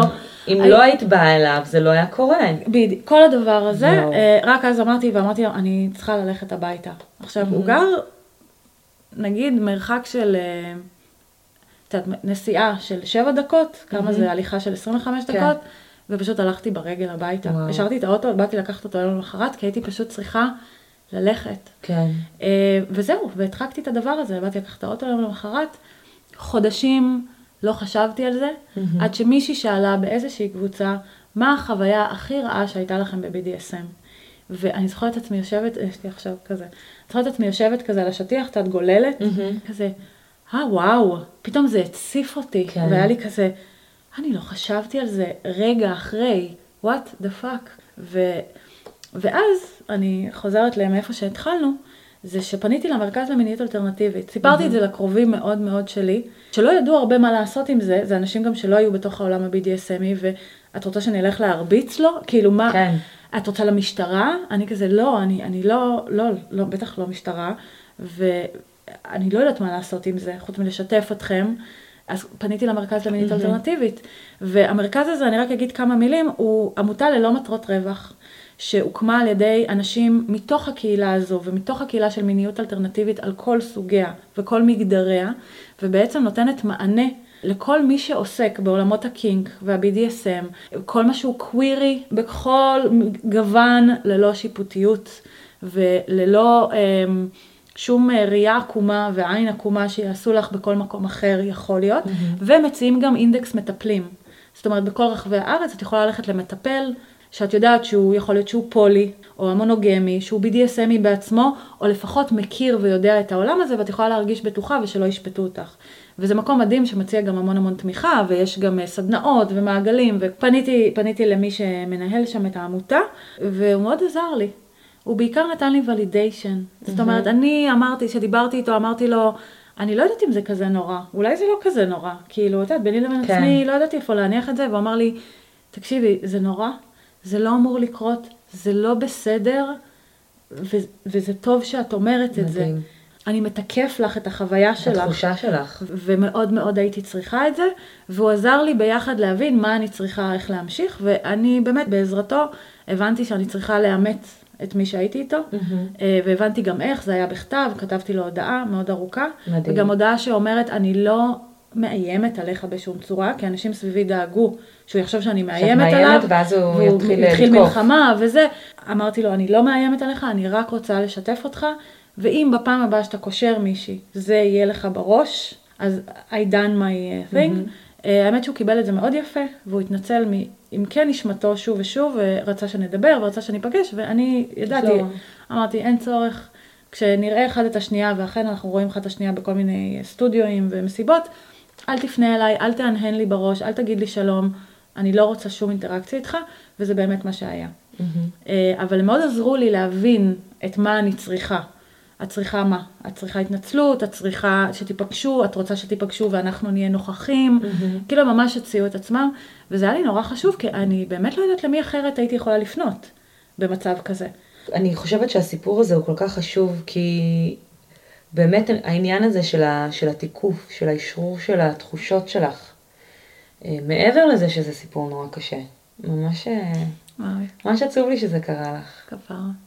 חלק מהספורט אקסטרים הזה. זה חלק מזה, נכון. ומהעולם, את יודעת, אנשים זה אנשים. ואת יודעת, אם מאזינים לפרק הזה, אה, מישהו אחד או מישהי אחת, שבעקבות זה יצליחו לעשות משהו אחרת, לא משנה באיזה צד של השוט הם נמצאים, ולעשות אותו קצת יותר אה, לטובה וקצת יותר באופן שנכון להם ולמי שאיתם, הלוואי, הלוואי. לגמרי. אה, אנחנו צריכות לסיים, Mm, אבל היה לנו פרק גם שליטה מנטלית, וחוויות הטובות, וכמה הוא מדהים, נכון. וגם אה, את קצת הצד, פחות. את הצד האפל של הירח. כן, ואני חושבת שאנחנו עוד נדבר גם על, אה, על, על, את יודעת, על, על הכל. לא, אבל אה, אפשר להעמיק בכל החלקים האלה. כי אנחנו באמת נוגעות כאילו, אבל אנחנו רק בהתחלה. נכון. אז אה, אנחנו היינו סימנים, אתם יכולים למצוא אותנו בכל אפליקציה שקיימת על פני כדור הארץ. נכון. תעזרו להפיץ אותנו, אנחנו מאוד נשמח שתספרו עלינו לחברים וחברות שלכם, כדי שבאמת נגיע לעוד אוזניים. אנחנו חושבות שזה מעניין וחשוב. מעניין וחשוב. מעניין וחשוב. אה, ונשמח שכמובן תכתבו לנו תגובות על הפרק הזה, כל חוויה על שליטה מנטלית, אה, גם חוויות פחות טובות, וגם אנחנו כאן, בפרטי, נכון. אם תרצו לכתוב לנו, וזהו. זהו. ביי דורותי. ביי אלינור.